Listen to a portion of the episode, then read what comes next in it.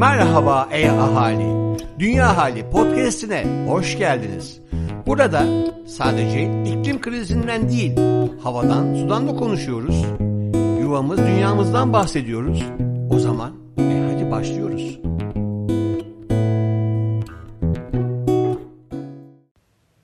Herkese merhaba, ben Tanem Sivar. Selam dünyalı. Yuvamız dünyada günlerden bir gün. Bembeyaz, büyüleyici buzullar ortasında duran bir piyanodan sesler yükseldi. Elegy for the Arctic eseriyle ünlü İtalyan besteci ve piyanist Ludovico Einaudi notalarına dünyanın dört bir yanından 8 milyon insanın sesi eklendi ve Kuzey Kutbu için koruma talep edildi.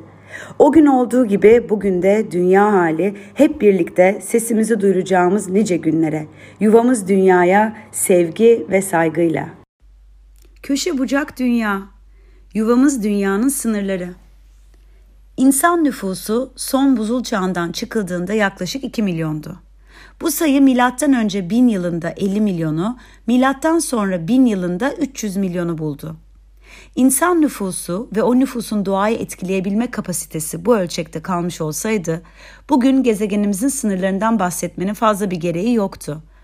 Ancak insanlık hem sayısal anlamda hem de doğaya etki bağlamında büyüdüğü için bugün artık gezegenin sınırlarına ulaştık mı sorusu her açıdan dikkate almamız gereken bir konu. Bilim insanları tarafından dikkatle incelenen bu sınırlardan bazıları çok yakın, bazıları ise daha tehlike teşkil etmiyor. Bu sınırları en yakın ve en tehlikeli olandan başlayarak sıralayalım. 1. iklim değişikliği 2. Deniz sularının asitlenmesi 3. Stratosferdeki ozon incelmesi 4. Biyoçeşitlilik kaybı 5. Karasal alan kullanımındaki değişim 6. Tatlı su kaynaklarındaki azalma 7 biyojeokimyasal döngülerdeki değişiklikler, 8. Atmosferdeki aerosol miktardaki artış, 9. Kimyasal kirlilik. Bu gezegensel sınırların birçoğu da birbirleriyle iç içe geçmiş olduklarından sadece birinin aşılması diğerinin de sınırlarına yaklaşılması veya sınırlarının aşılması sonucunu doğurabilir. İklim Masası Haberler 2 derece Celsius ile sınırlı kalmak için salımlar daha hızlı azaltılmalı. 2015 Paris Anlaşması en temel hatlarıyla küresel ısınmanın bu yüzyılın sonunda 1,5 derece Celsius altında tutulmasını ve en fazla 2 derece Celsius ile sınırlı kalmasını hedefleyen Uluslararası İklim Anlaşması. Geçtiğimiz hafta Nature Communications Earth and Environment dergisinde yayınlanan bir çalışmada ne ülkelerin salım seviyelerinin ne de niyet beyanlarının Paris Anlaşması hedefine uygun seviyede olduklarını bir kez daha ortaya koydu. Çalışmaya göre güncel salım seviyelerimizle devam edersek 2 derece Celsius ısınma altında kalma olasılığımız sadece %5. Tüm ülkeler niyet beyanlarındaki sözleri tutar ve 2030'dan sonra salımlarını aynı oranda azaltmaya devam ederlerse bu olasılık ancak %26'ya yükselebilecek. Paris Anlaşması'nın halk sağlığı üzerindeki etkileri. Araştırmalara göre yüksek gelir seviyeli ülkelerde yaşayan kişilerin üçte birinden fazlası sağlıklı yaşam için önerilen fiziksel aktivite seviyesine ulaşmakta zorlanıyor. Günlük kısa mesafeli ulaşımda daha çok fiziksel aktivitenin yer alması, önerilen aktivite seviyesine ulaşmasını kolaylaştırıp insanların sağlık seviyesini ve yaşam kalitesini de spor aracılığıyla yükseltecek. Avrupa Birliği 750 milyar euro değerindeki toparlanma paketini hayata geçirmek için çalışıyor. Avrupa Birliği Konseyi, Avrupa Birliği toparlanma planları için önemli rolü olan 672,5 milyar euro değerindeki toparlanma ve dayanıklılık paketini onayladı. Bu paket kapsamında 27 üye devlete sağlanacak finansal destek ile COVID-19 kaynaklı zararların azaltılması, yeşil ve dijital dönüşümün sağlanması ve daha dirençli toplumların yaratılması amaçlanıyor. Yuvam dünyalılar ne yapıyor? İzliyoruz. Çöpün tadına bak, taste the waste.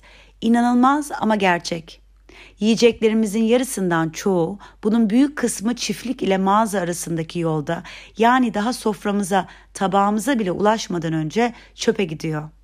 Taste the Waste filmi ise bu sorumsuzca ısrafın küresel kıtlıktaki payının izini sürüyor ve dünyanın dört bir yanında bu akıl almaz israfa son verme çabalarını inceliyor.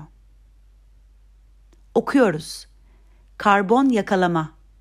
İklim değişikliğini azaltmanın en etkili yollarından biri de karbon yakalama ve depolamadır. Şimdiye kadar hak ettiği ilgiyi görmese de bu yöntem şirketlerden sıradan insanlara karbon izimizi azaltmamız konusunda pratik öneriler vermesiyle hayati derecede önemli. Kitabın yazarı Howard Herzog da karbon yakalamanın ve depolamanın ne demek olduğunu çok yönlü bir şekilde ortaya koyarak bu konuda merak edilenleri yanıtlıyor. İyi ki varlar. Bültenimizin bu köşesini imkansızlık kabuğunu sıyırıp hepimize ilham verecek kişilere, kuruluşlara ayırıyoruz. Bu hafta ilham verenlerde iyi ki var dediğimiz kişi ise Alexandria Ocasio-Cortez. Alexandria Ocasio-Cortez bilinen kısaltma ismiyle AOC Kasım 2018 seçimlerinde Amerika Birleşik Devletleri Temsilciler Meclisi'ne seçilerek 29 yaşında Amerika Birleşik Devletler tarihinin en genç kongre üyesi oldu. Apolitical.co tarafından açıklanan iklim politikalarında dünyanın en etkili 100 insanı listesinde ilk sırayı alan AOC'nin iklim krizi konusunda sunduğu Yeşil Yeni Mutabakat Yasa tasarısının önemli noktaları ise şöyle. Yeşil Yeni Mutabakat teklifiyle 2030 yılına kadar tamamen yenilebilir enerjiye geçilmesi hedefleniliyor. Yeşil Köşe Onarım çağına, onarıcı tarımla Uzak bir gelecekte değil artık içinde olduğumuz ve her geçen gün daha da ağırlaşan ekolojik krizin ciddiyeti ve ağırlığı karşısında eziliyoruz. Zarar öyle bir noktaya geldi ki zarar vermeyi durdurmak zaruri ancak tek başına yeterli değil artık. Bu sebeple önümüzdeki 10 yılların tarih kitaplarına onarım çağı olarak geçeceği kesin. Onarım çağının en temel ve hatta neredeyse tek araç kitinin ekosistem temelli çözümler olduğu artık tescillendi. Onarıcı tarımda bu araçların en güçlüsü, en etkilisi. Gıda üretilen yani tarım yapılan bir arazinin bu üretim süreci sayesinde ve sırasında ekolojik olarak eskisinden daha iyi hale gelmesi olarak tanımlanan onarıcı tarım çoktan kaçırılmış sürdürülebilirlik treninin çok ötesinde olanı daha iyi hale getiriyor. Bu da iklim kriziyle hem mücadeleyi hem de uyumlanmayı sağlıyor. Biyolojik çeşitlilik korunmanın ötesinde yeniden kazanılıyor. Onarıcı tarımın bir güzelliği de milyonlarca hektarlık alanlarda rahatlıkla uygulanabilmesi. İklim krizinin durdurulması, su döngüsünün bildiğimizden daha iyi hale gelmesi, biyolojik çeşitliliğin restorasyonu ve hatta dünya barışına katkısını anlatmak için onarıcı tarım küresel camiasının yarı şakalarından biriyle bitirelim. Kışlıklarımızı şimdiden hazırlayalım.